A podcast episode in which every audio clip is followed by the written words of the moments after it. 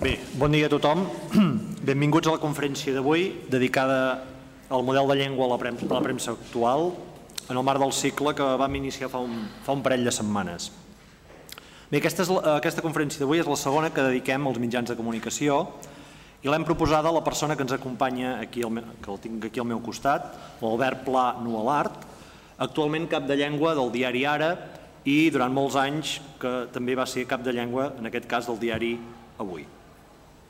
Uh, si fa uns dies dos acadèmics diferents ens explicaven quina feina està fent l'Acadèmia de la Llengua, l'Institut d'Estudis Catalans, avui tenim un professional de la llengua que a través del seu diari, el diari Ara, veu com cada dia sorgeixen noves necessitats expressives per comunicar al gran públic.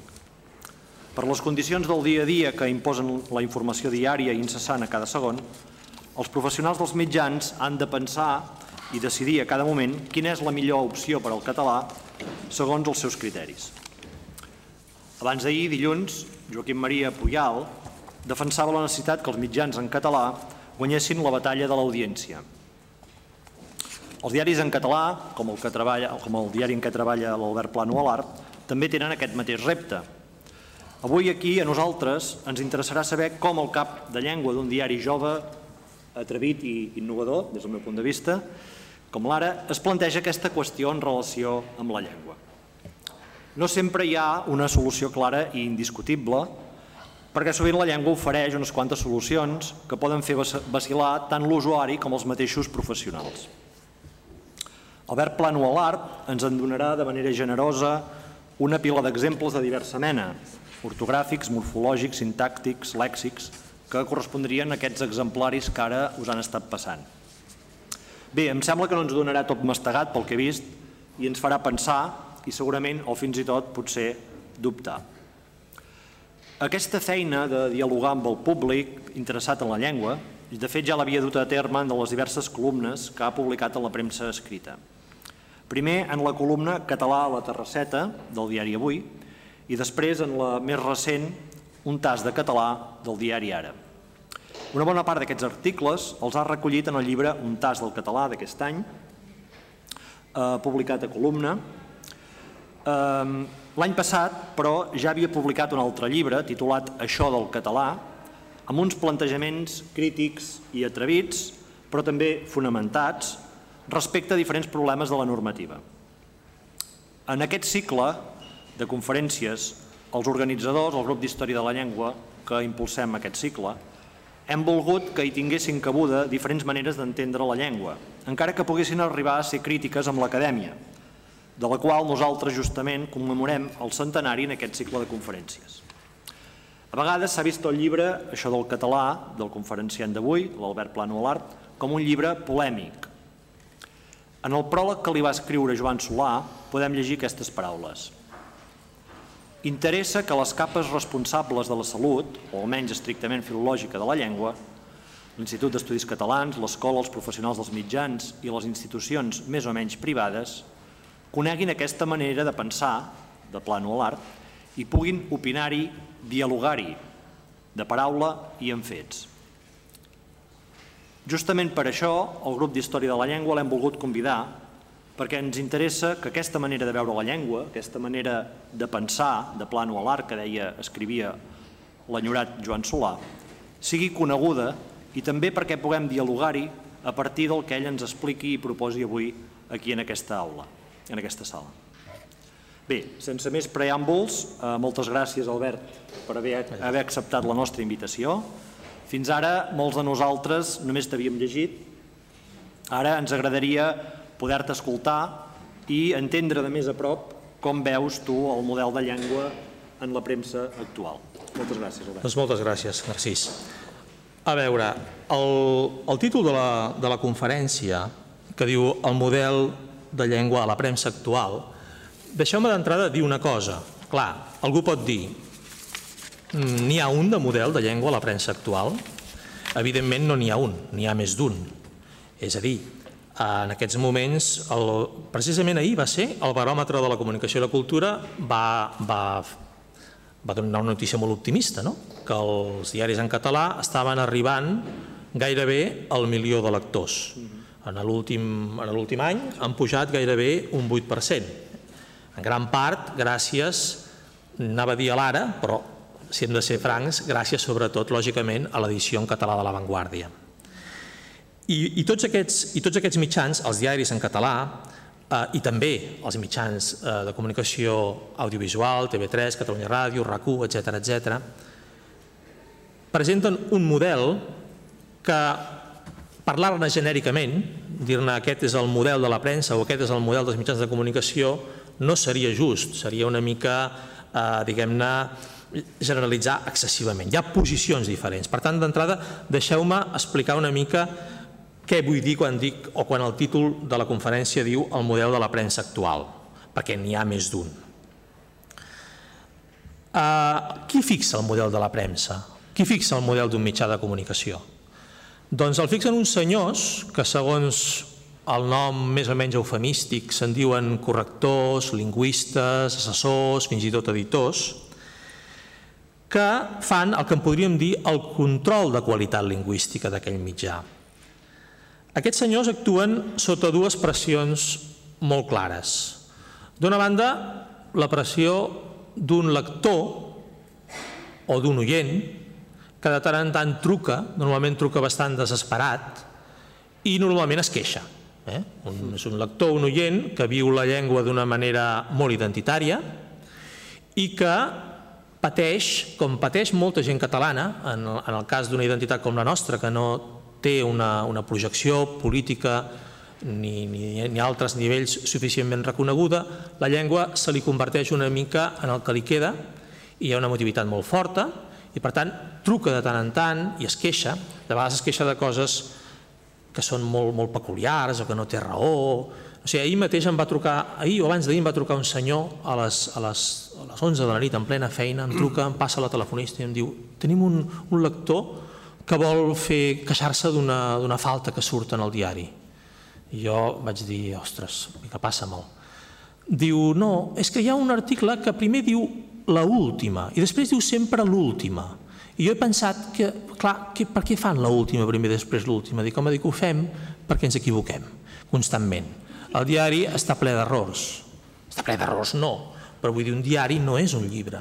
Un diari es fa a tota velocitat, es corregeix a tota velocitat, es corregeix amb l'ajuda d'un corrector, diríem, electrònic, que certes coses les detecta i altres no. Les altres coses les ha de detectar un cervell humà que per naturalesa tendeix a corregir sense que tu te n'adonis i que per tant no dispara alarmes quan les ha de disparar i per tant de, tot, de coses així en trobarem moltes. Clar, què motiva un lector a les 9 de la nit veient clarament que allò és un error que se'ns ha passat? Què el motiva a trucar-nos? Doncs aquesta mena d'obsessió que hi ha per la llengua.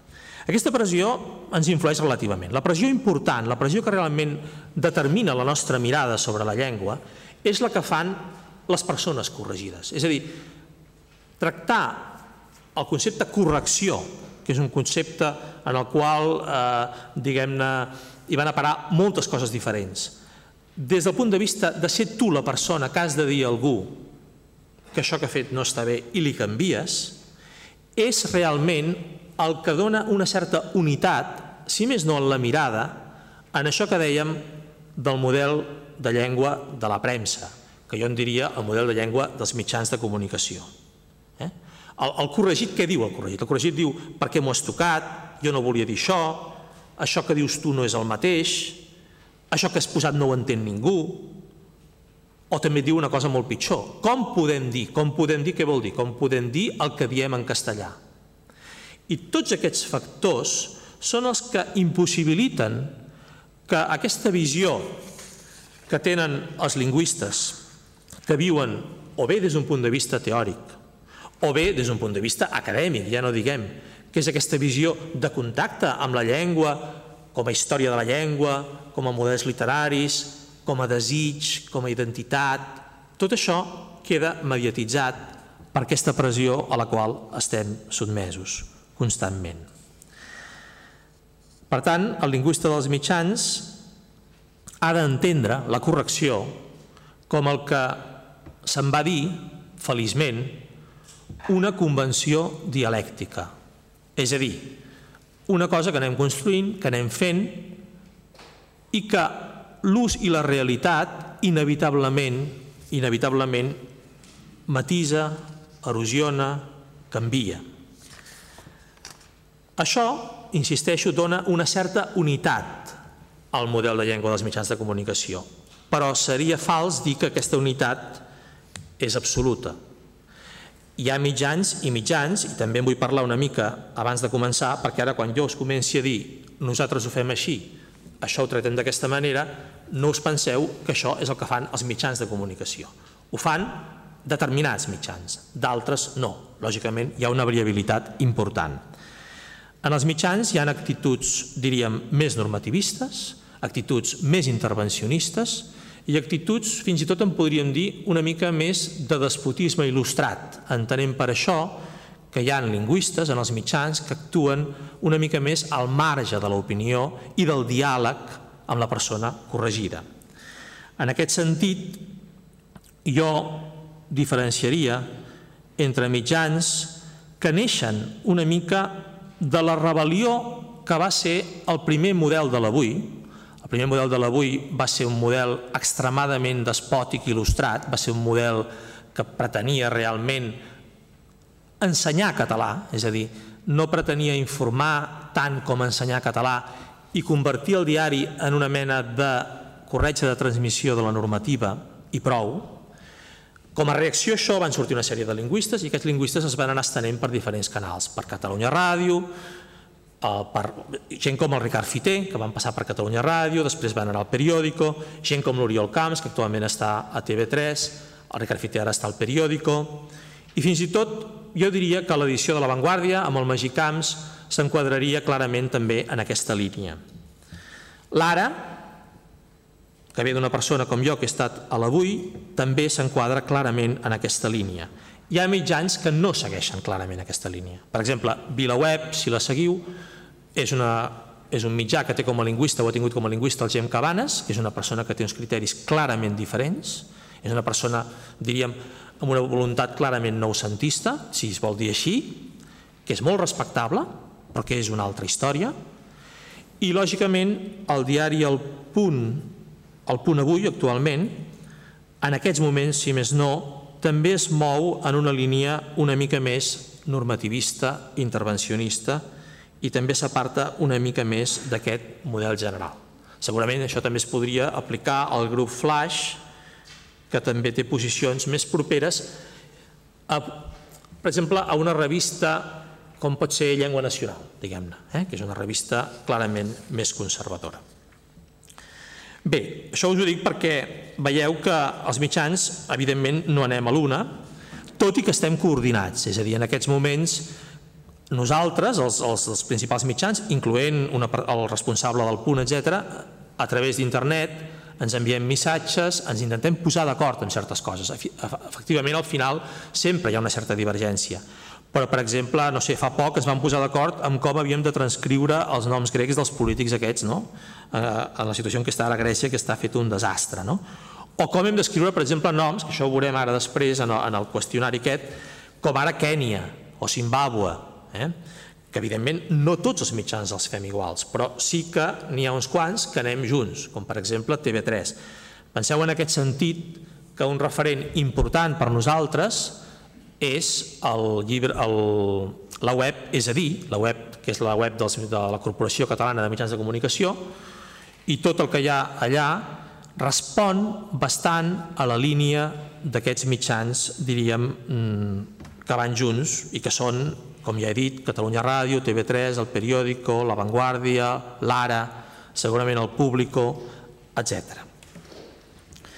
També hi ha una altra gran diferència pel que fa al tema del model de llengua, que és molt important i que tampoc es pot obviar, i és la gran diferència que hi ha entre traduir, com és el cas del periòdico i de l'avantguàrdia, o escriure directament en català.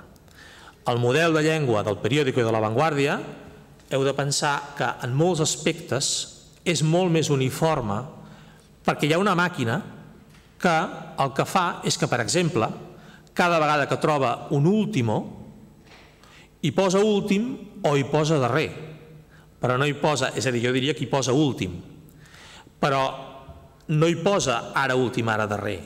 I cada vegada que troba pro, mm, cercano, no sé què, hi posa pròxim i li posa proper, etc.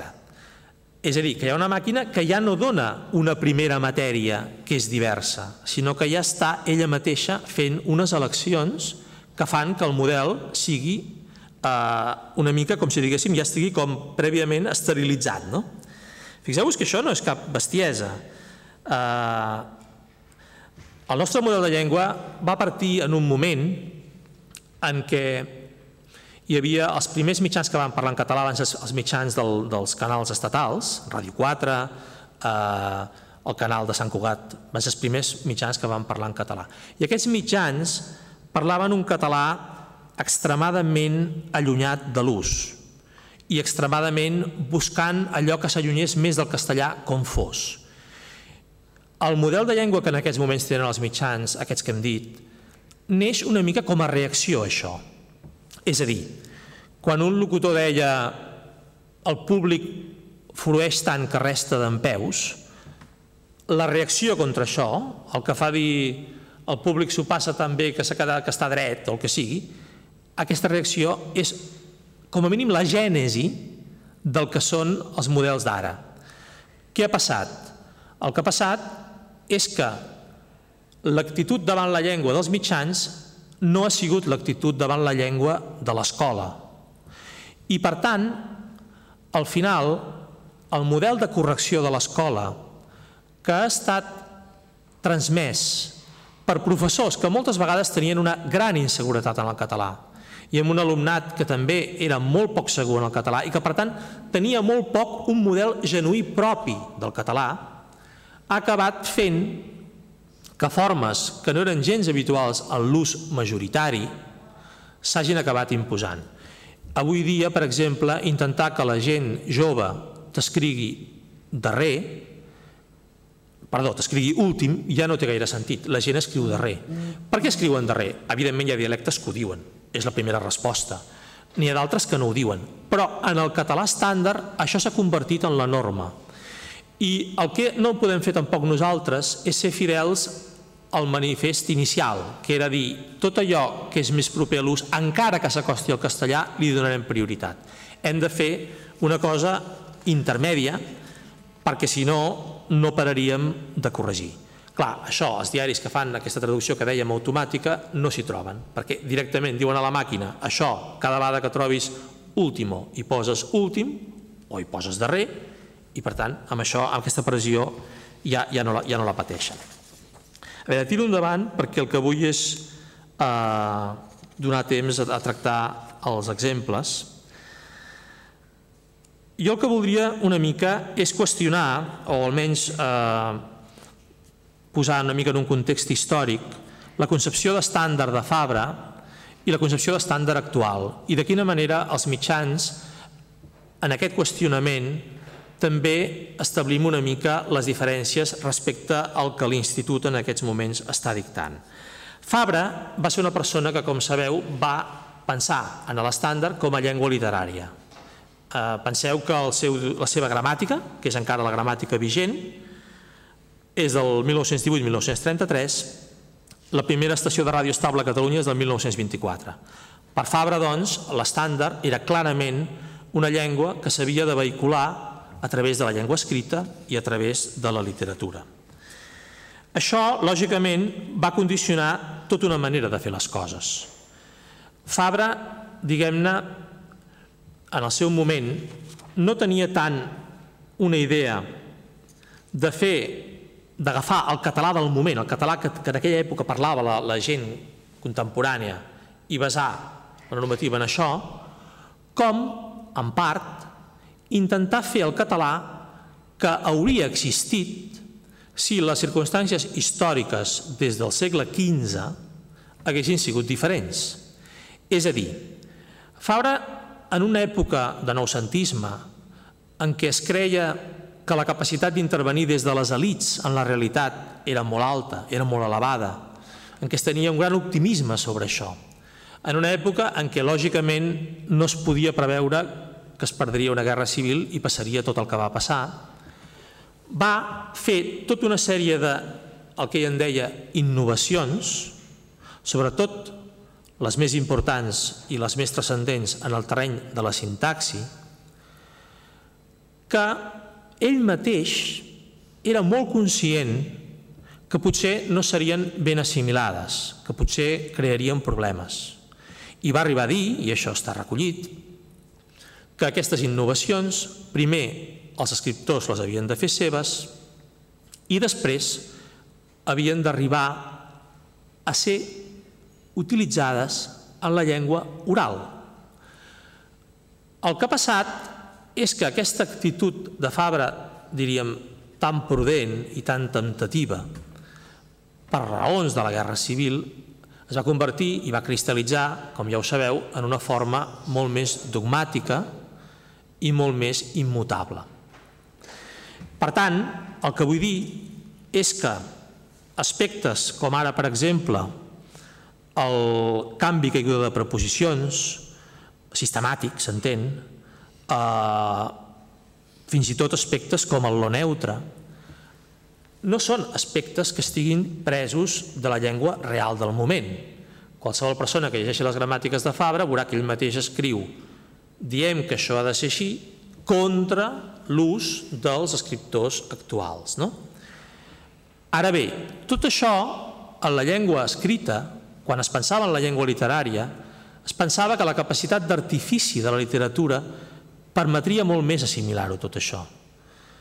Després, en el moment en què la llengua estàndard s'ha convertit també en llengua oral, això s'ha convertit en un obstacle molt més important.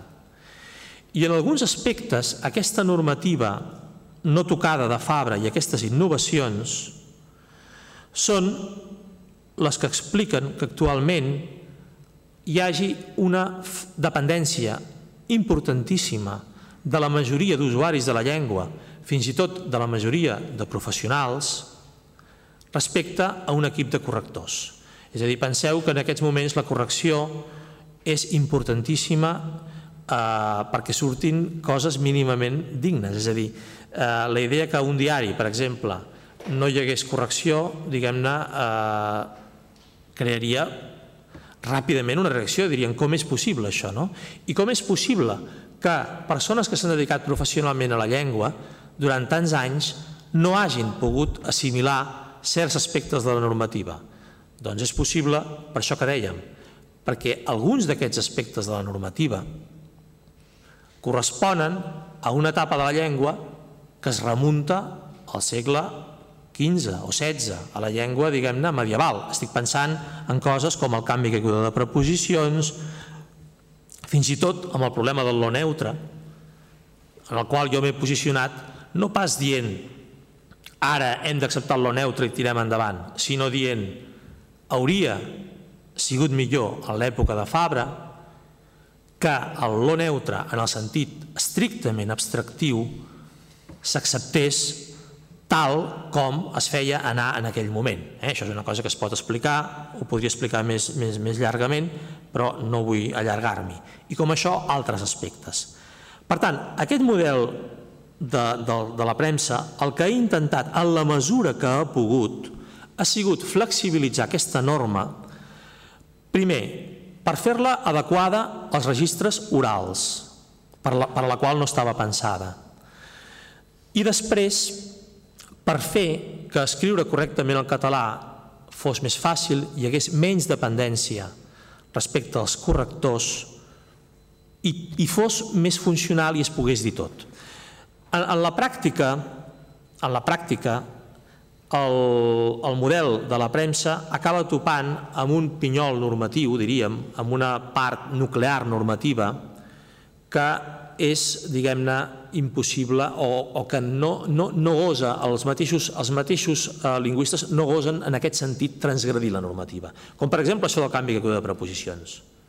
Sobre aquest tema crec que és recomanable eh, llegir, i us recomano que llegiu, eh, el llibre L'última lliçó de Joan Solà, que és l'última lliçó que va fer Joan Solà, en què per primera vegada deixa clar que ell flexibilitzaria aquest punt i que permetria que certs règims verbals poguessin mantenir la preposició doncs, a davant de la conjunció que, per exemple. Eh? Totes aquestes coses, que seria molt interessant discutir-les, parlar-les i que, i, que, i que hi hagués un debat públic a la universitat, estan pendents, estan en aquests moments pendents de com es resoldrà la sintaxi normativa. L'Institut d'Estudis Catalans ha de publicar en els pròxims anys, esperem que no trigui gaire, una gramàtica normativa i aquesta gramàtica normativa veurem fins a quin punt flexibilitza o no la norma, cosa que seria bastant interessant de cara a fer que escriure en català, diguem-ne, fos una mica més fàcil i els correctors, diguem-ne, no haguéssim d'estar, a més a més de lluitant contra la interferència, que és una cosa diferent, que és la pressió del castellà en aquests moments i, des de, i per pressió demogràfica i que, i que realment fa una ruptura en el sistema i al mateix temps aplicant una normativa en part de la qual nosaltres mateixos, com aquell qui diu, no, no acabem de creure. Bé, jo crec que amb això faria la presentació i passaria una mica al qüestionari, que és bàsicament intentar veure en, en exemples concrets, en exemples concrets, que són els que finalment permeten veure quina és la posició i quina és la mirada sobre la llengua de cada mitjà. Si l'agafeu, a veure, fixem-nos d'entrada, per exemple, en aspectes d'ortografia, estem a l'apartat 1, eh, aquí tenim aquest, per exemple, aquest tema del guionet. No? Aquest tema del guionet és un tema en què la reflexió que jo faria és que hi ha aspectes que són gairebé de convenció en els quals l'institut faria, estaria més bé que no adoptés una posició tan rotunda i tan normativa. Després en veurem una altra que és molt semblant. És a dir, jo crec que és dolent per una llengua que una acadèmia converteixi en norma, en norma i en correcció aspectes que gairebé poden ser convencionals i que és bo que variïn en funció, fins i tot, de les editorials o dels diaris i que d'alguna manera competeixin per veure què és el que acaba imposant-se perquè és més funcional, etc. Fixeu-vos que en aquests casos de cardiovascular, físico-químic, catalanoparlant, hispanoamericà, audiovisual, etc., eh, la posició de l'institut a partir d'un cert moment va ser dir que havien de caure tots aquests guionets. Clar, Després se'n van adonar que la relació entre aquests dos elements, el, el primer i el segon, segons sigui de coordinació o de subordinació, crea una semàntica diferent. No és el mateix una persona hispanoamericana que un tractat hispanoamericà. Un tractat hispanoamericà vol dir que és entre Espanya i Amèrica, per exemple, no? estan al mateix nivell. No és el mateix, diguem-ne, eh, un italoamericà que és un americà d'origen italià que un, un tractat italoamericà, etc. Això que dèiem, no? Per tant, què va fer al final l'Institut? Va flexibilitzar la norma i va dir quan realment la relació entre els dos elements sigui de coordinació, tolerarem el guionet. No ho diu ben bé així, no ho diu ben bé així, però és el que apunta. Per tant, en aquest primer exemple, jo, al cas de físico-químic, Crec que es pot tolerar, contra la norma diríem més estricta, la presència del guionet que lògicament comportaria també aleshores l'accentuació de físico, eh, per exemple. Per tant, la resposta que donaria en aquest cas és de vegades sí i de vegades no, en funció de la relació entre, entre els dos elements. Fixeu-vos en el cas del segon, no? el no violència, no catalanoparlant, etc. No? Això també és complicadíssim, tampoc m'hi vull parar gaire perquè vull dir, hi ha altres temes que són més interessants, no? Però, d'alguna manera, i això és difícil d'explicar, el fet que hi hagi o no hi hagi guionet té a veure amb que aquest no actui al nivell de la sintaxi, és a dir, s'introdueixi en el nivell de la sintaxi o s'introdueixi en el nivell del lèxic.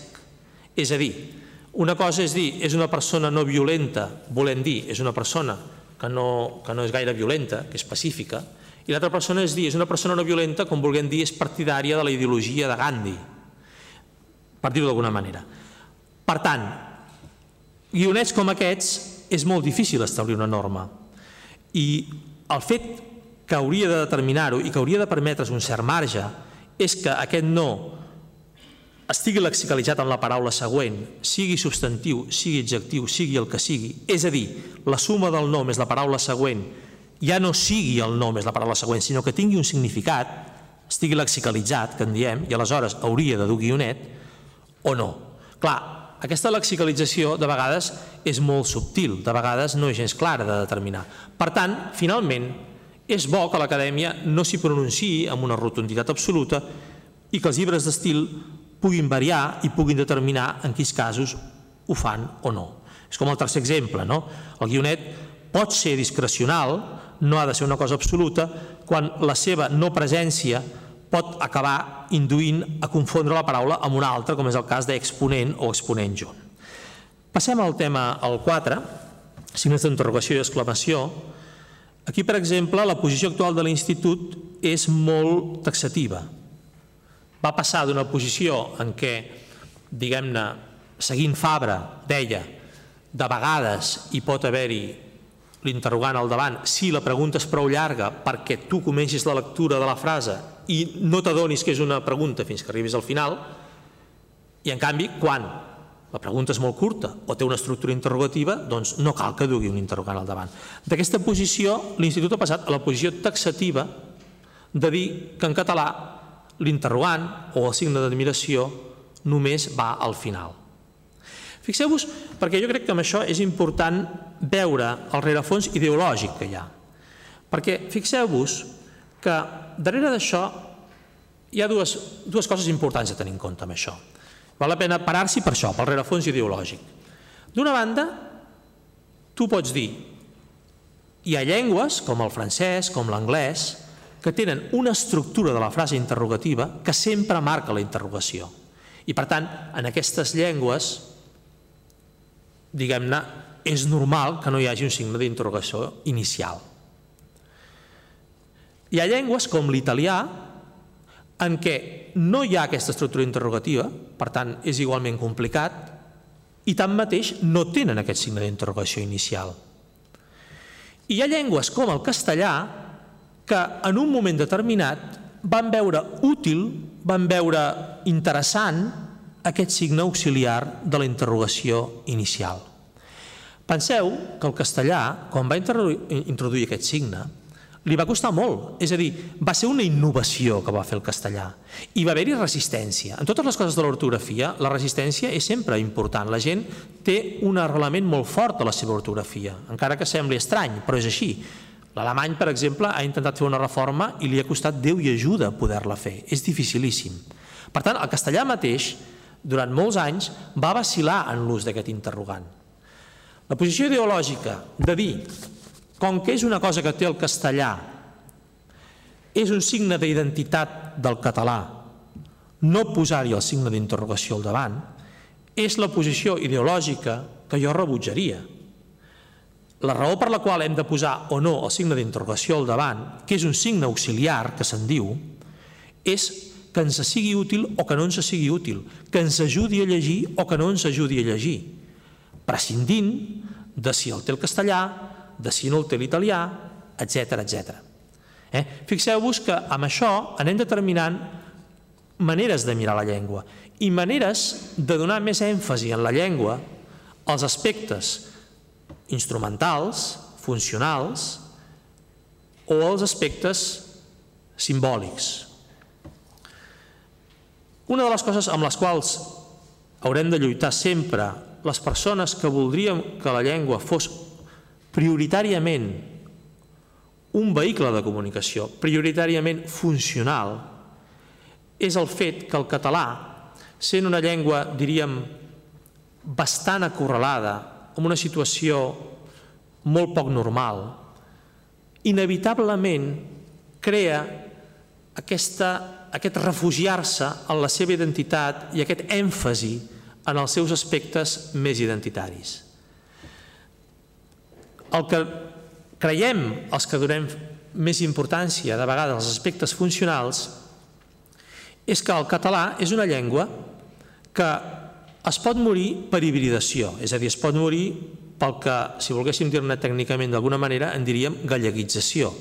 El que està passant actualment amb el gallec, que quan el sentiu per la televisió, tret que el parlin gent molt bona, és com una mena de castellà amb unes terminacions gallegues que de tant en tant recorden que allò vol ser gallec. No? El català pot morir d'això, però també pot morir de llatinització. És a dir, el català és una llengua que si no dona prioritat a l'ús en el sentit que el màxim de persones puguin utilitzar-la correctament sense sentir que això de la correcció és una cosa de quatre il·luminats i que és dificilíssima, diguem-ne, tot el que pot reforçar l'identitat ho perdrà d'ús. Eh? Per tant, això és important. En aquest tema de l'interrogant, per ser més concrets, no sembla que una cosa que és útil i que serveix per llegir bé una frase s'hagi de rebutjar pel fet que s'ho van inventar en castellà. Aquesta era la posició de, de Solà i no és la posició de l'Institut. Eh? I per tant és una posició que en aquests moments defensem, per exemple, des de l'ARA i des d'altres mitjans de comunicació, lògicament amb, contra el que en aquests moments és la normativa. Eh? que tampoc té massa importància, diguem és una convenció i tampoc crec que l'Institut això li creï uns greus problemes. Anem al, al següent punt, el punt aquest de l'esclar. Fixeu-vos en això de l'esclar. Això de l'esclar és molt curiós.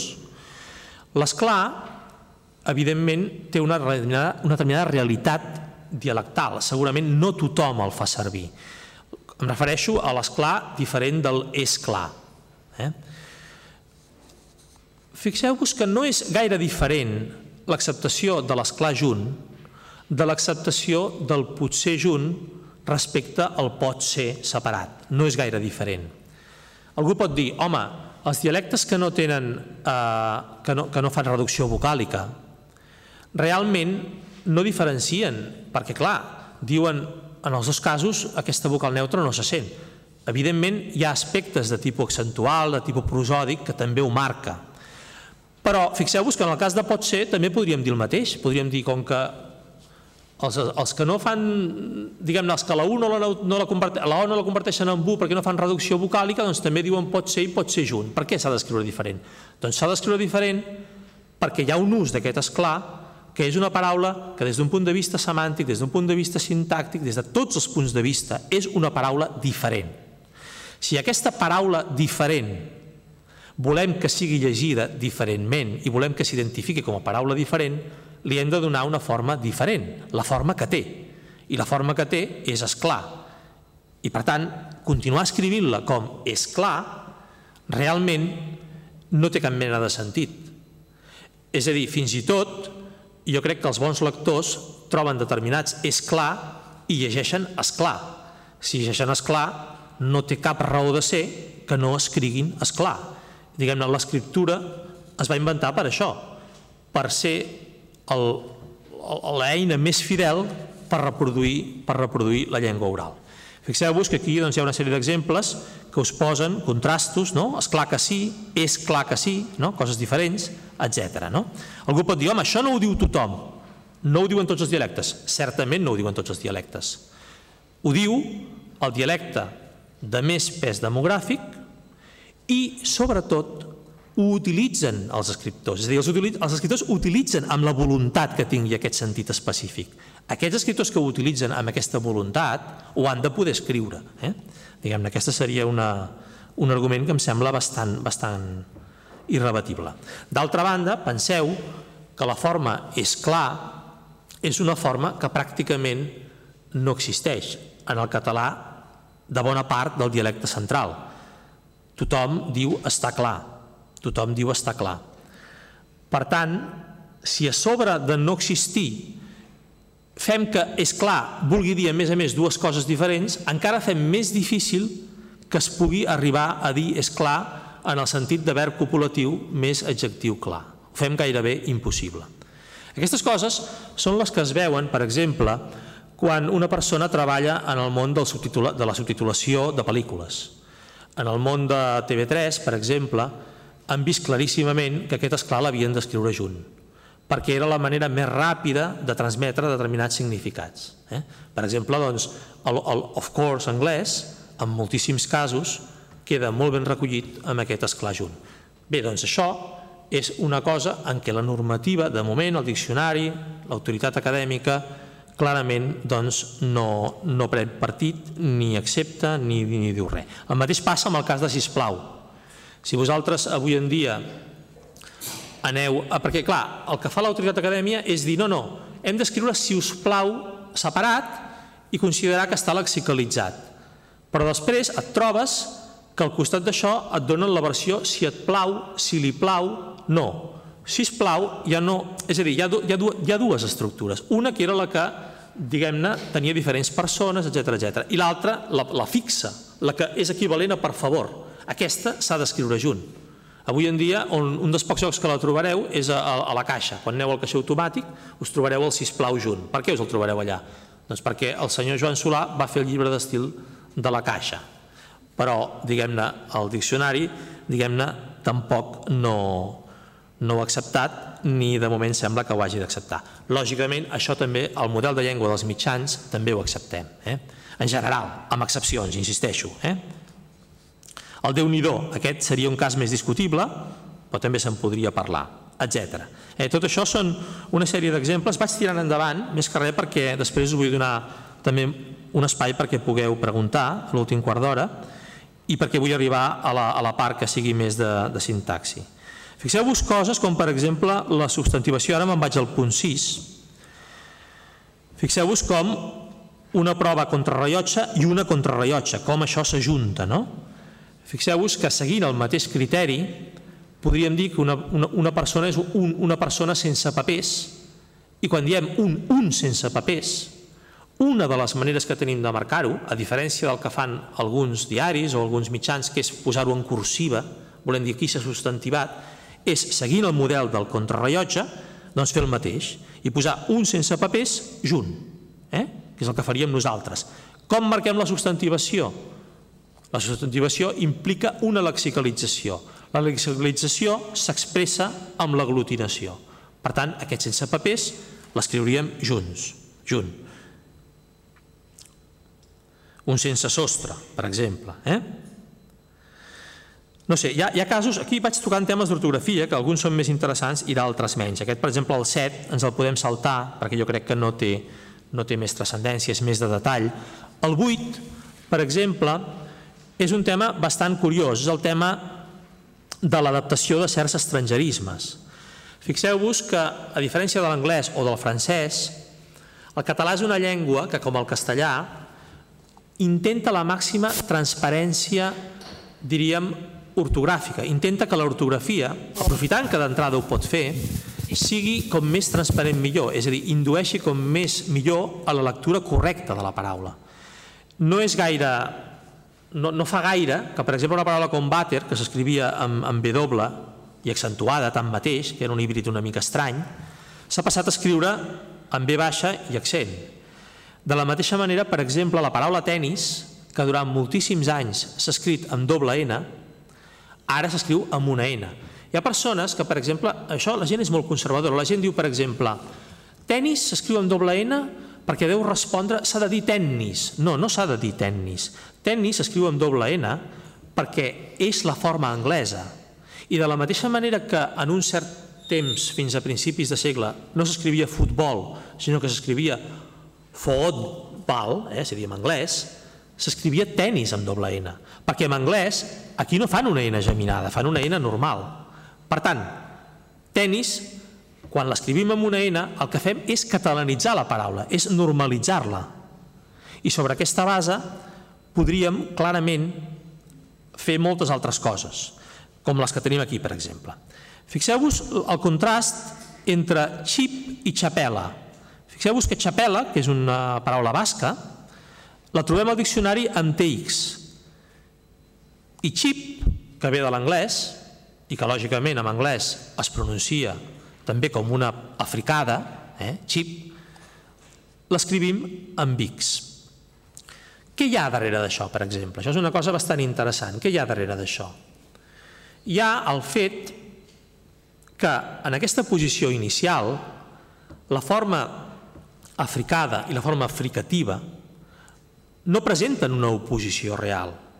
És a dir, l'oposició entre xec i xec, que seria l'oposició entre el xec bancari que escrivim i el xec de Txecoslovàquia, no és real. No hi ha dialectes que jo sàpiga en què això contrasti.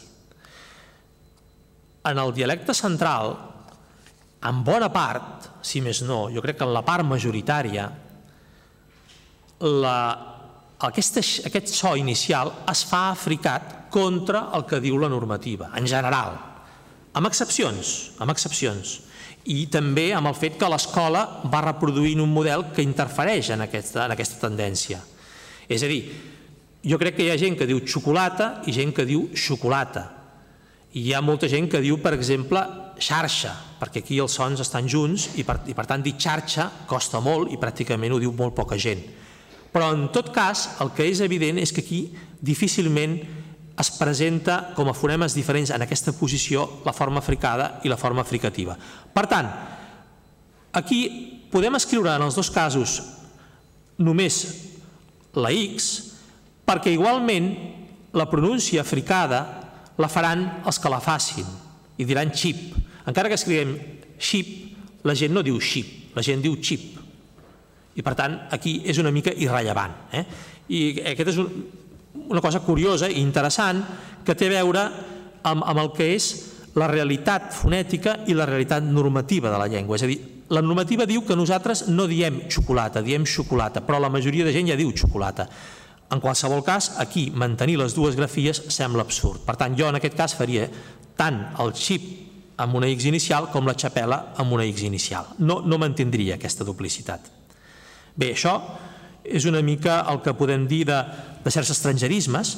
Fixeu-vos que hi ha estrangerismes que no s'adapten eh, ortogràficament, com per exemple l'estrangerisme boom. L'estrangerisme boom, per què no s'adapta fonèticament? Primer perquè boom ja vol dir altres coses. I segona, perquè hi ha formes que gràficament han arribat a arrelar tant i estan tan consolidades que tothom d'entrada ja les llegeix bé i ja sap com s'han de pronunciar. I, per tant, no té sentit ni adaptar-les ni tan sols escriure-les des d'un punt de vista eh, cursiva, diríem. Per tant, el que jo vull dir és que de vegades la coherència en aquests terrenys té uns límits pragmàtics. La pragmàtica estableix per sentit comú què té sentit escriure en cursiva i què no? Què té sentit adaptar i què no? Show es pot adaptar. Diem show o diem xou? Bé, això ja és una altra cosa, però es pot adaptar, i de fet s'ha adaptat. Boom!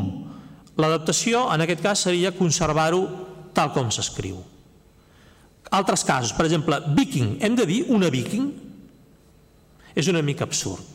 Eh? Jo crec que a aquestes altures podem dir perfectament una viking i, i saltar-nos el que segurament tenia sentit com a forma més culta del nom d'una ètnia, però no com a forma de la llengua més col·loquial. Eh? Etc. Doping i dopatge conviuen. Té sentit que convisquin? Home, en un model de llengua és bo inclinar-se per una de les dues formes. En un cas hi ha una adaptació purament fonètica, en l'altre cas hi ha una adaptació morfològica, que va més enllà, que catalanitza més. Per tant, en aquests casos, de vegades és simplement bo veure què fa l'ús i acabar-se decantant pel que sigui més general. Software i programari. Bé, jo crec que en aquests casos és bona idea, i en aquest sentit jo sóc un defensor de la forma programari, perquè com a mínim han fet l'esforç de trobar una sola paraula com a equivalent. El termcat, quan adapta estrangerismes, sovint, en comptes de fer un equivalent paraula a paraula i de fer una cosa funcional, acaba fent com una mena de definició. I vol que la definició es converteixi en l'equivalent a una adaptació d'una paraula anglesa que ja només vol dir allò i que és la més adequada. Eh? Vol que no es pugui dir mobbing i s'hagi de dir assetjament psicològic.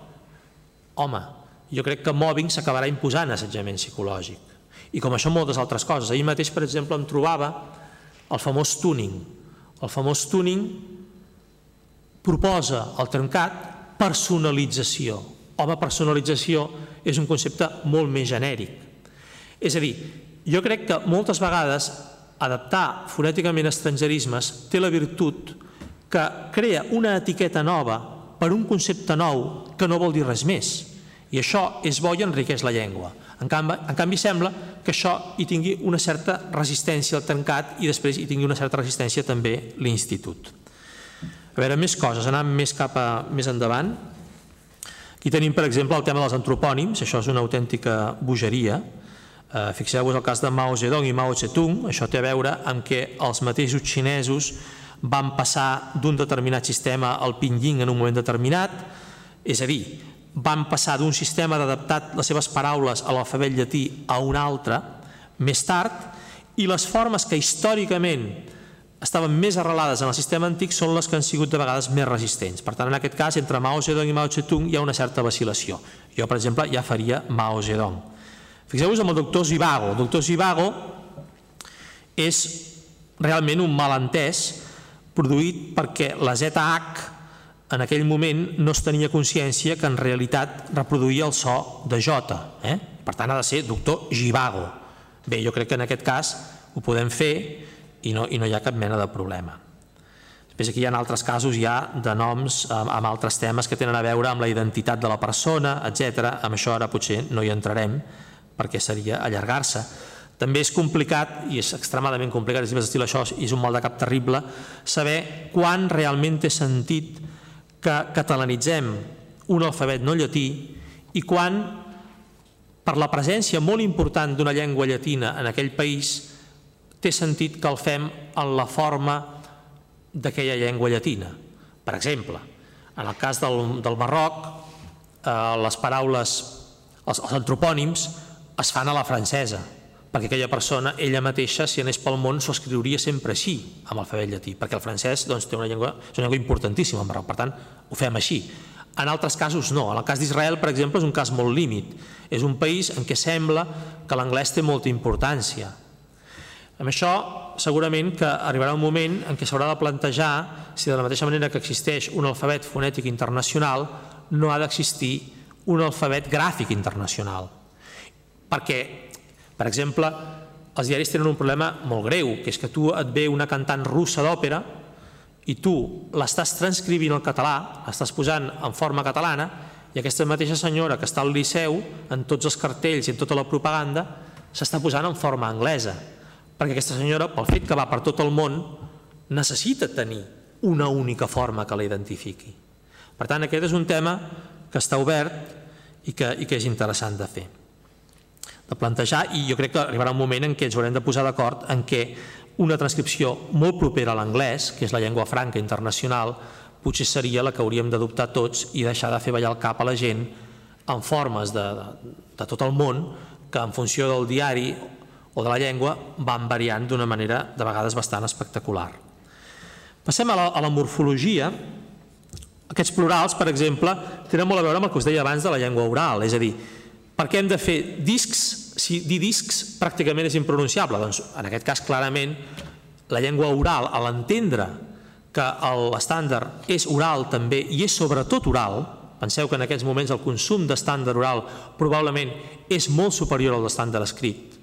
I fins i tot diria que el consum d'estàndard informal, que és un concepte que en l'època de Fabra tampoc es plantejava, és molt superior o gairebé superior al de l'estàndard formal, doncs això fa que clarament ens hàgim de decantar per les formes amb aquests plurals, diguem-ne, pronunciables i distintius. No?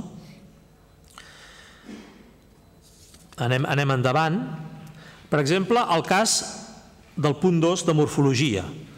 Uh, persones clau o persones claus. Fixeu-vos en un cas així. Què ens diu la normativa? La normativa ens diu quan un substantiu fa d'adjectiu, és invariable, és invariable. Què passa? Passa que com més aquest substantiu fa d'adjectiu, més és percebut com a adjectiu i més tendència es té a no fer-lo invariable. Passen altres coses. Dir persones clau més o menys sona bé i no crea problemes. Però dir aquestes persones són les clau per fer això, crea molts més problemes. És a dir, quan aquest clau el deixem de posar al costat del nom, el, deixem de, el traiem del sintagma nominal i, per exemple, el fiquem a darrere d'un verb copulatiu, la invariabilitat passa a ser molt més problemàtica. Per tant, en un cas així, un diari en un moment determinat pot decidir que ho farà en plural, potser primer en el cas del copulatiu i finalment dir, escolta'm, val la pena que fem aquesta alteració? Fem-ho concordar sempre. I es pot fer concordar sempre. Això ha passat amb el cas d'hores extres. Hores extres, històricament, era hores extra i ara ja s'accepten com a hores extres. La mateixa normativa, en teoria, no accepta dir torrons extres. Aquí s'hauria de dir torrons extra. Però vaja, aquestes coses ja veieu que són molt subtils i molt complicades. Per exemple, el cas de jugador, el famós el cas de, dels blaugranes, dels jugadors blaugranes. Aquest és un cas bastant curiós, no? Per què hi ha aquesta mania durant molt de temps als correctors que cada vegada que es posava els blaugranes o els jugadors blaugranes posaven blaugrana? Quina és la, la, la, la raó de fons d'això? Una raó, si voleu, jo crec que bastant absurda, tan absurda, perquè clar, bé diem els blanc i blaus, no? Hi ha jugadors blanc i blaus, això ningú ho qüestiona. Una raó tan absurda com que els noms de colors que venen de substantiu, com per exemple rosa, taronja o en aquest cas grana, per aquesta regla de tres que hem dit abans, que era que els substantius quan fan d'adjectius són invariables, en teoria haurien de ser invariables. I en teoria no hauríem de dir m'he comprat unes camises roses, sinó que hauríem de dir m'he comprat unes camises rosa. Clar, és evident que la percepció que té de rosa com a, com, igual que blau o igual que verd el parlant és altíssima, no hi veu la diferència. I per tant, són casos en què la normativa ha d'anar cedint terreny al que és l'ús i el que és la intuïció. I per la mateixa raó, nosaltres en els, en els mitjans, la majoria de mitjans, i nosaltres concretament a l'ara, doncs diem els blaugranes sempre i no diem els blaugrana. Eh? Aquestes coses són les típiques coses que quan un corrector les sap i les aplica, doncs se sent molt segur, no? És molt bonic això de que tu trobis els blaugranes i tu diguis, no, són els blaugrana, ho he corregit, he fet una correcció. Eh? I per tant, jo ara en aquests moments he fet la meva feina. Clar, un corrector no ha de fer això, no ha de limitar-se un corrector. A veure, un responsable lingüístic d'un mitjà, un corrector pobre, si està allà, ha de fer el que pot i ha de seguir el llibre d'estil. Però un responsable lingüístic d'un mitjà no s'ha de limitar a dir ostres, quina correcció més bonica que he fet, he canviat això. Ha de dir, té sentit aquesta correcció? Estic millorant el text amb aquesta correcció? A la persona que ho ha fet malament quan li explico per què ho estic fent, ho entendrà, ho trobarà lògic, ho comprendrà. El text millorarà amb aquesta correcció. El lector ho entendrà. És a dir, totes aquestes coses s'ha de plantejar. I quan se les planteja, i finalment, d'acord amb altres lingüistes, coordinant-se també amb altres mitjans de comunicació, acaba posant en el llibre d'estil no escriurem els blaugrana, sinó els blaugranes, està fent un primer pas que tard o d'hora, esperem més d'hora que tard, l'acadèmia, el diccionari, acabarà incorporant, com ha acabat incorporant, tantes altres coses. És a dir, que hi ha un plantejament que és una mica absurd, i és el de creure que els mitjans de comunicació han de seguir la normativa. És justament el contrari és la normativa la que ha de seguir els mitjans de comunicació. Això no vol dir que la normativa no sigui un referent molt important. És un referent molt important i evita el caos. Però els mitjans de comunicació tenen l'obligació de transgredir-la a la llum de les dificultats reals que planteja la seva aplicació i també de completar-la d'acceptar paraules noves, d'acceptar formes noves, etc. No? I tot això és molt important. Per això jo, a mesura que us vaig comentant els exemples, us vaig explicant també una mica el que, el que hi ha darrere d'aquests exemples. Eh? L'exemple 3, la possibilitat de fer aquestes, aquesta, aquests troncaments fins a on es pot fer. Eh? Per exemple, a mi la paraula cole em produeix una certa aversió. Eh? Jo diria sempre escola. Però clar, perquè clar, dius, dius cole, no dius cola, no? com dius cine o cine, no? Vull dir, això aquí també és un problema dels llibres d'estil saber fins a quin punt es poden fer i també saber en quins registres es poden fer, perquè segurament parlar d'una depre té sentit en un determinat registre, en un article d'opinió d'una persona que està parlant d'una manera molt col·loquial, que està fent broma, no li trauràs, però en canvi no ho posaràs en un titular informatiu, per exemple. No? Anem a la sintaxi, que és una part potser més interessant. Uh, la proposició A a davant d'objecte directe. Bé, la proposició A davant objecte directe entenem per objecte directe objecte directe personal. No? Segurament que el català real, el català real, i amb això tornem a allò que us deia abans, no? que Fabra no partia del català de la seva època, partia del català que teòricament hagués, hagués sigut si l'evolució de la llengua hagués sigut una altra, etc. Segurament que en català real, la A davant de l'objecte directe personal era una cosa molt introduïda i molt consolidada. La prova és que una de les faltes que la gent fa, per dir-ne d'alguna manera, falta, és deixar-se aquesta A, Ahir mateix el, el responsable de TV3 ens enviava un missatge per comentar-nos no sé què i després enviava un missatge petit que deia aquest A que he posat no l'havia d'haver posat, ho sento. Eh? I el responsable de TV3. Qual cosa dius, jo bé pensava, i jo també la posaria. Vull dir, no, no, no és gens estrany que la posis.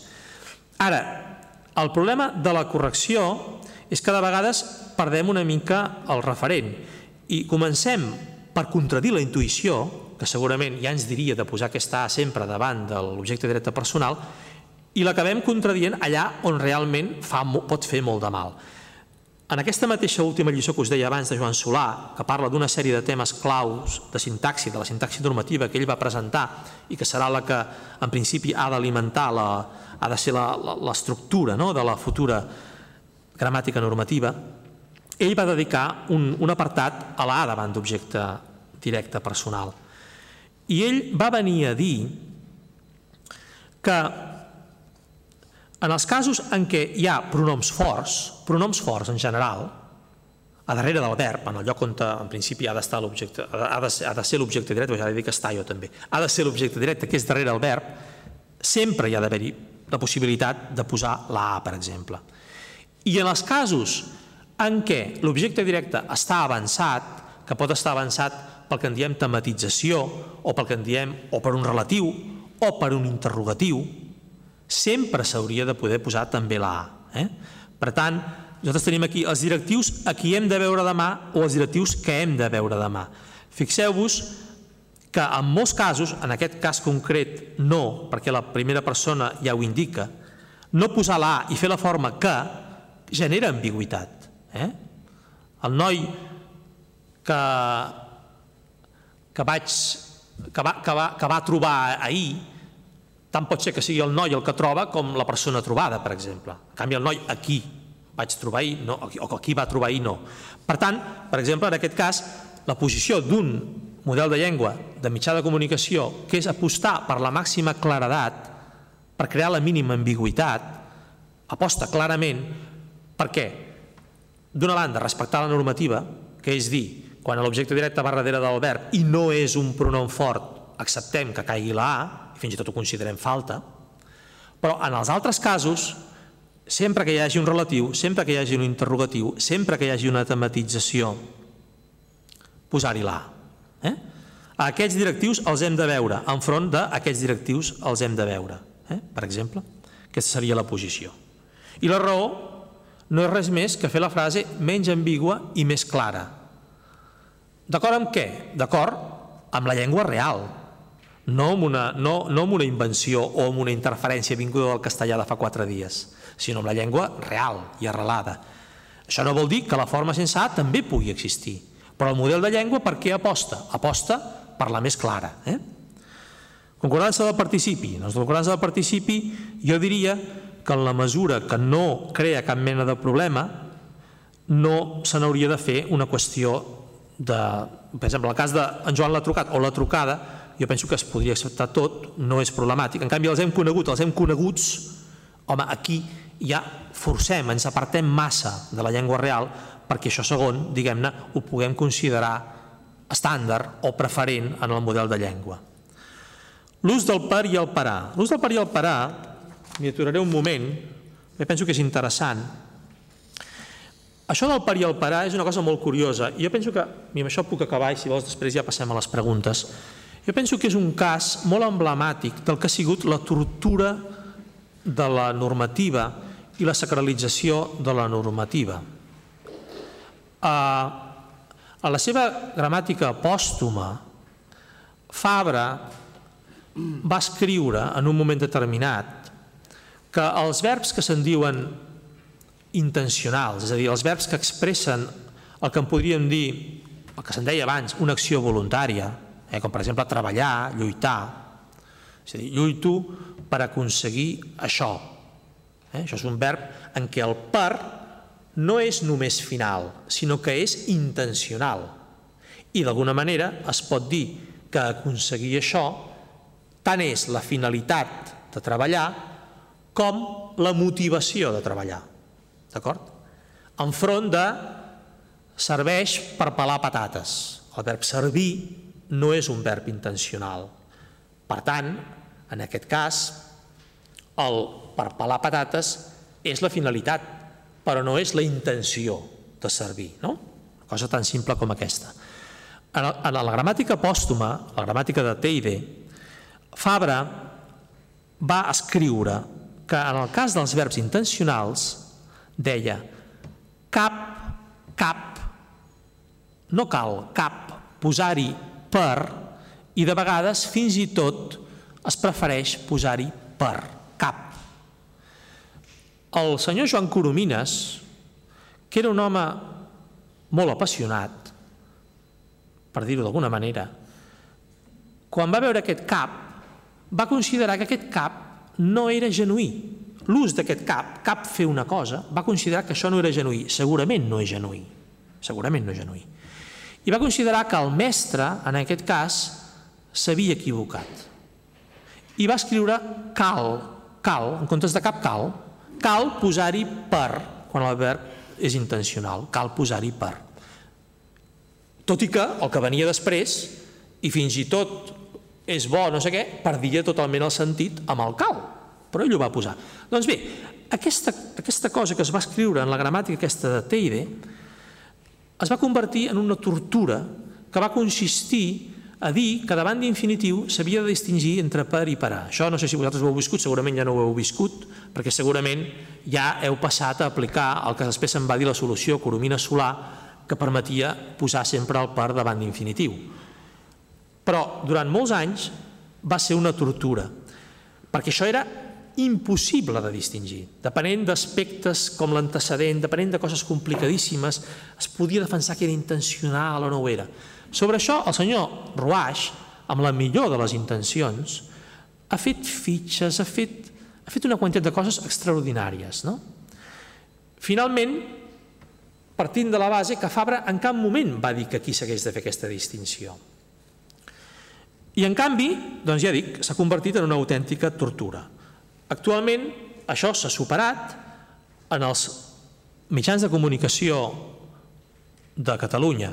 Fem sempre per, a davant d'infinitiu, i en els mitjans de comunicació de València tendeixen a fer sempre a, que és el que diuen, que és el que diuen, excepte, diuen parar o diuen pa, depenent de la zona dialectal, excepte lògicament, quan hi ha un parc causal, que aquest és una altra història. Parc causal és una altra història. Eh? Com diuen, l'han detingut per anar borratxo. Això és una altra història, això és el parc causal.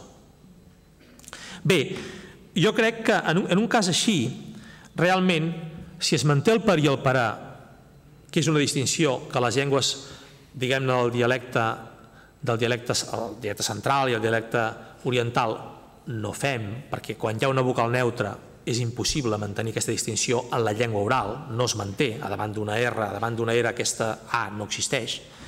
Si es manté aquesta distinció entre el per i el parar, que és discutible que s'hagi de mantenir, però que en aquests moments es manté, probablement la solució Fabra Sol...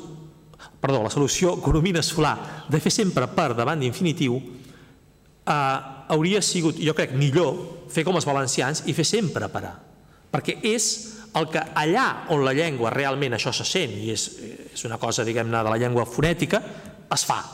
S'ha fet sempre per... Bé, no passa res, és el que estem fent i és el que estem aplicant. En tot cas, el que no té sentit o el que no tenia sentit era crear una cosa tan extremadament abstrusa i difícil i complicada que només els experts més experts i encara al final es barallaven sobre si havia d'haver-hi un per o un per davant d'infinitiu. I tot això arran d'una correcció incorrecta d'una gramàtica de Fabra. Eh? Bé, si de cas ho deixem aquí i si voleu fer preguntes, intervencions, si voleu criticar-me, si voleu atacar-me, si voleu... Doncs jo estic obert a tot. Molt bé.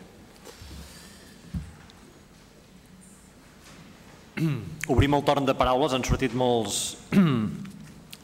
L'Albert Pla ha fet unes intervencions amb moltes, moltes reflexions i també amb molts exemples. Eh, per tant, segur que molts de vosaltres us haurà fet plantejar coses i, i segurament seria interessant per tothom de saber bon, les, les preguntes, les qüestions que us ha suscitat la seva intervenció. Aleshores, a partir d'ara, si algú vol preguntar Vol fer alguna pregunta a Albert Plas, no a l'art? Ara seria el moment. Això de no a l'art és perquè no em confonguin amb el cantant, eh?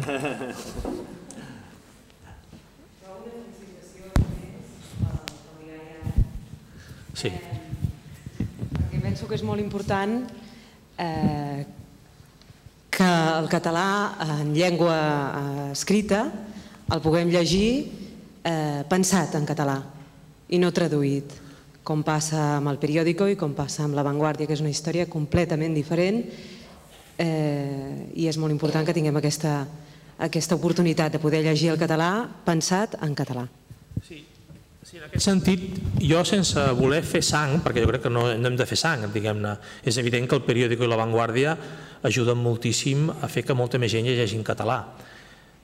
Sense voler fer sang, és evident que el periòdico i La Vanguardia són no, no, no ells perquè siguin ells, sinó qualsevol diari que es faci per aquest procés en què tot el que es diu en castellà s'ha de poder dir en català i no al revés, són màquines d'erosionar la genuïnitat del català. És a dir, d'una banda es guanyen lectors, per tant això és bo, d'altra banda la genuïnitat del català, és a dir, tot allò que singularitza el català respecte al castellà, la van erosionant i van fent possible que tot el que es diu en castellà es pugui dir en català i no el contrari. Eh? Per tant, clar, a part, que és evident que és impossible, és a dir, i menys amb els equips que tenen en aquests moments i amb els que tindran en el futur per les restriccions econòmiques i de tota mena que hi ha, és impossible que en, la public, en el diari publicat, a nosaltres també ens passa, eh, a altres nivells,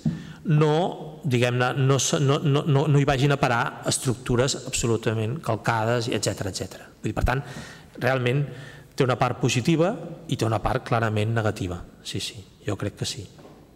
I això no es diu mai, eh? es, diu, es diu molt poc, vaja, es diu molt poc. Molt bé. Més preguntes? Aquí davant.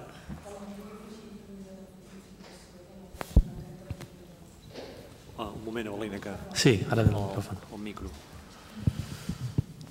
Gràcies. Voldria afegir la felicitació que s'ha fet abans.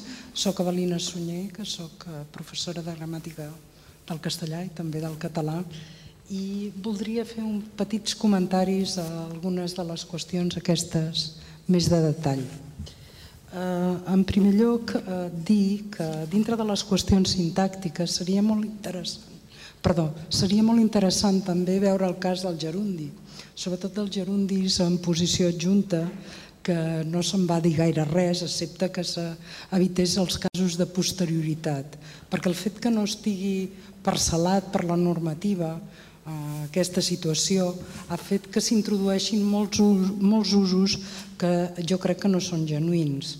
Aquesta és una qüestió. L'altra qüestió té a veure amb... M'ha semblat sentir eh, que quan hi ha lexicalització s'hauria de reflectir amb eh, escriure aglutinat la paraula. Jo crec que... No, no, no sistemàticament, eh? No, no sistemàticament, perquè la, les lexicalitzacions van, són processos històrics i que algunes doncs, estan en l'inici i d'altres estan més desenvolupades. En el cas de Sisplau jo ho veig mm, que ha de ser així, però en altres casos... En el cas d'esclar, per exemple? En el cas de l'esclar de resposta, vindràs, esclar, jo també ho veuria bé, per distingir doncs, de, de l'altre ús que té. Però si Mm, partint d'aquesta idea que s'ha d'aglutinar el que està lexicalitzat, ens trobarem en casos com, per exemple, filar prim, que està lexicalitzat... No, no. Jo, jo no ho defensaria, això, eh? ah, en cap cas. No, no, jo crec que no s'ha d'aglutinar el que està lexicalitzat. Jo crec ah, que, que quan la forma... Aglut... Eh, potser no m'explico bé, no, no, no m'he explicat bé, eh? que quan la forma aglutinada respecte a la no aglutinada mm. té clarament un valor distintiu funcionalment parlant, mm. és important aglutinar-la precisament per marcar el contrast i per marcar, i a més a més de vegades això té repercussions fonètiques, és a dir, en el cas d'esclar de, o en el cas de potser, és, és evident. És evident. Eh?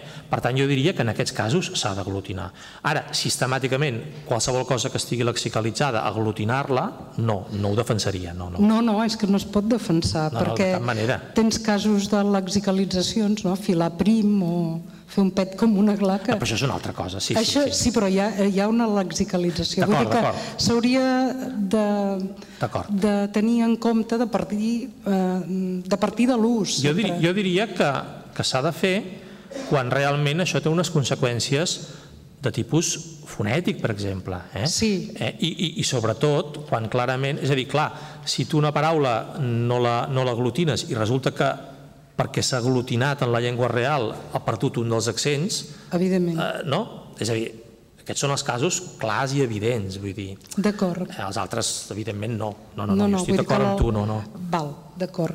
Eh, eh, lligat també amb aquesta qüestió, els noms de color són un tema complicadíssim a la sintaxi i a la morfologia i ens trobem amb casos de noms que funcionen com adjectius.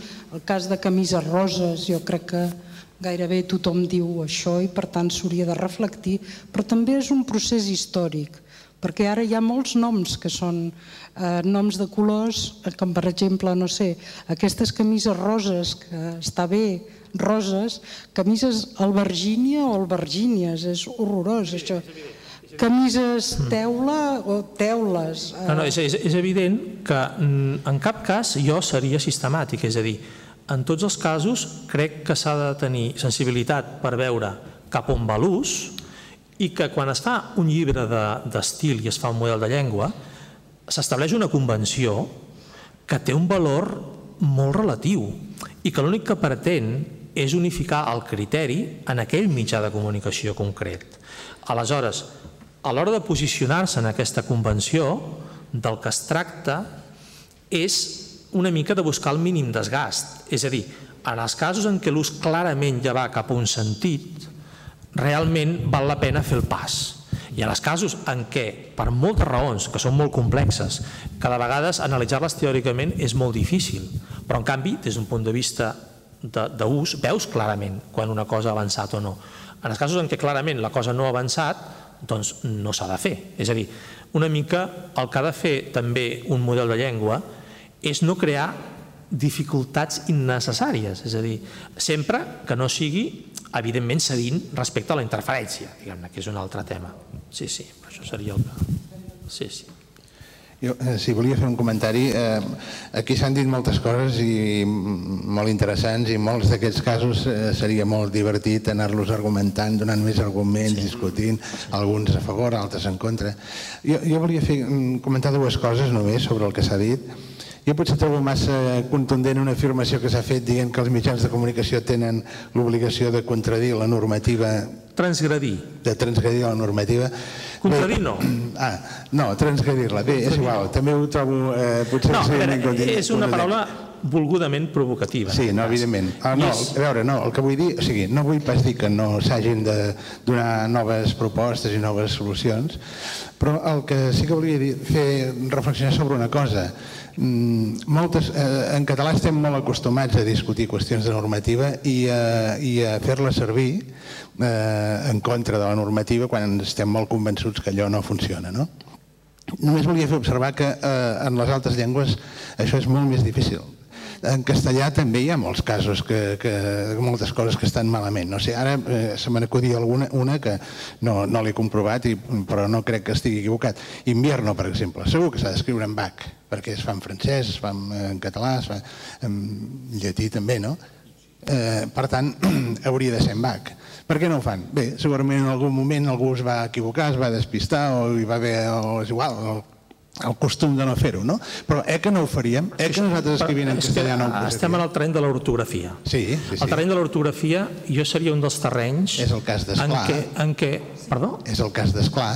És el cas d'Esclar, però el cas d'Esclar té moltes més implicacions. El de sisplau. No, no, ja ho sé, ja ho sé. No, a veure, un moment. És diferent. Eh, Després, si cas m'ho dius. No, en tot cas vull dir, també corregim coses d'ortografia.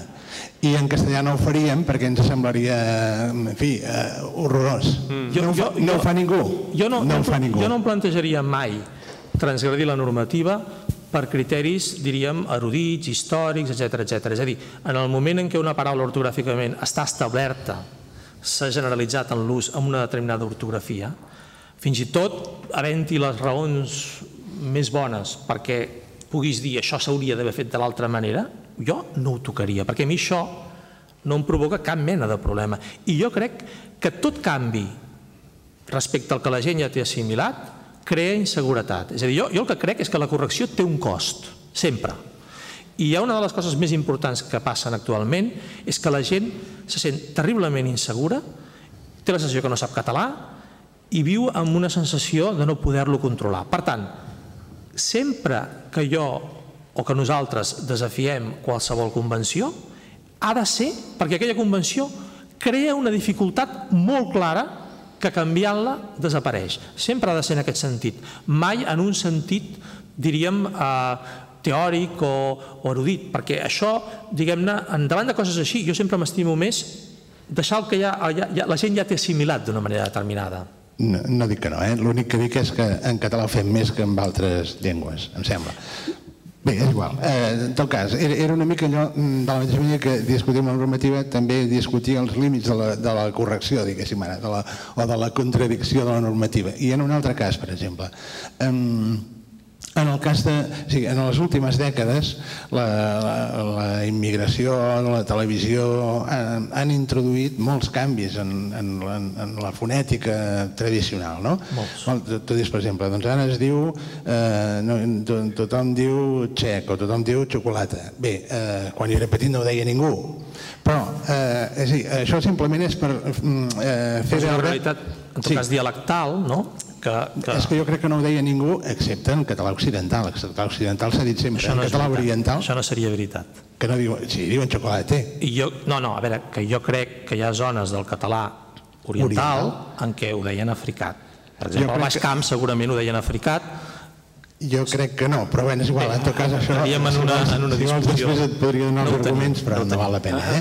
Sí, sí que en tenim perquè tenim atles lingüístics Sí. eh, en què es registren la fonètica de persones grans i això està enregistrat als anys 60, per tant ens anem a la fonètica de persones... convençudíssim que als anys 60 les persones grans del Baix Camp deien xocolata. Ah, sí, al Baix Camp sí, ja et dic, el català, el català occidental sí. Al Baix Camp Sí. parlen oriental en algunes zones, o estan Ah, en sí, fase de transició, D'acord, d'acord, tens raó. Sí. Doncs eh, de Barcelona cap al nord es deia xocolata. No, però eh, el que vull dir és això, fins a quin punt acceptem els canvis? És a dir, fins a quin punt la normativa pot ser en fre o no respecte a coses que ja veiem que estan avançant imparablement. Sí, sí, no, jo en aquest cas de la xocolata estic totalment d'acord, és a dir, jo no, no diria que s'ha de dir xocolata en absolut. Jo l'única cosa que he dit és que aquí no hi ha un contrast fonològic entre la forma africada i la, i la, i la, i la fricativa. I que, per tant, a l'hora de transcriure un estrangerisme és més irrellevant que escriguem TX o escriguem només la X, eh? perquè no hi ha realment una oposició. Eh? I això és el que jo deia. És veritat que això vacila, varia, i que per tant jo no seria especialment taxatiu en cap sentit. També crec que en determinades pel·lícules en determinats doblatges fer que els actors diguin sistemàticament una xeix quan no la diuen espontàniament de vegades pot ser una mica problemàtic. Això també és veritat. Bon, jo sóc Concepció Boix, soc llicenciada en Filologia Anglesa i felicito la seva, la seva manera de, de presentar aquesta, aquesta conferència. Miri, eh, jo ja vaig fer un curs de fonètica a Londres i en allà, esclar, automàticament no hi ha acadèmia. Per tant, el que ha dit l'esperit funcionalista de la llengua el trobo fantàstic, perquè allà el que val és l'ús. Inclús quan ens parlaven ens van dir i per què vostès volen aprendre anglès si es coneix la diferència de parlar segons els estats socials? I ens van dir que inclús que la reina d'Inglaterra que ja parlava d'un anglès arcaic.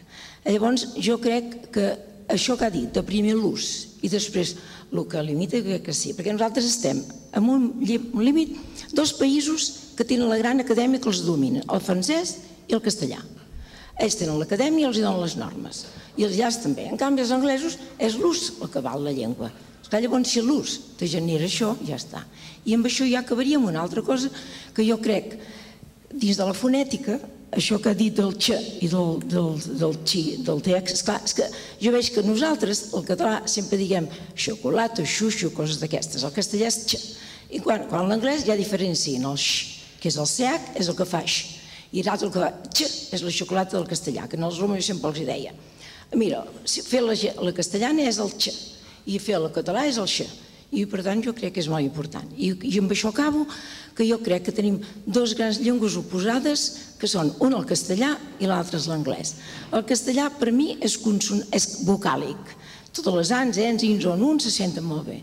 I l'anglès és consonàntic, les consonants pronuncien bé. Jo crec que el català és un intermig. Per tant, la meva teoria és que jo crec que l'anglès es pot ajudar molt a la fonètica i tot el que és el català per tots els, la filosofia. En tot cas, el que és evident és que una persona catalanoparlant té molta més facilitat per aprendre l'anglès que una persona que sigui monolingüe en castellà. Sí, sí. I, el d'aprendre la universitat va passar. Al departament nostre, tota la gent que eren castellanos me deia és que jo no l'entiendo.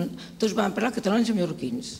I, i perdoni per lo que he dit, poder parlar massa, no. però jo crec que gràcies per el que ens ha dit. Moltes gràcies. Molt bé. Uh, ens hem anat, anat sortint tantes coses i més que ara l'Albert deia que hi hauria moltes, algunes de les qüestions que han sortit es podrien argumentar de molt, des de diferents bandes i per tant ens allargaríem molt. Malauradament el temps s'ha acabat. No sé si algú tingués només una pregunta, l'última podríem, podríem donar-ho podríem donar la paraula a una última persona. Si no fos així, gairebé que hauríem de donar la conferència i l'acte d'avui per tancat. Uh, hi, hi havia alguna paraula pendent? Alguna paraula pendent? És que no m'ho he vist, m'ha semblat que no, eh? No? Entesos. Bé, doncs, moltes gràcies. Moltes gràcies.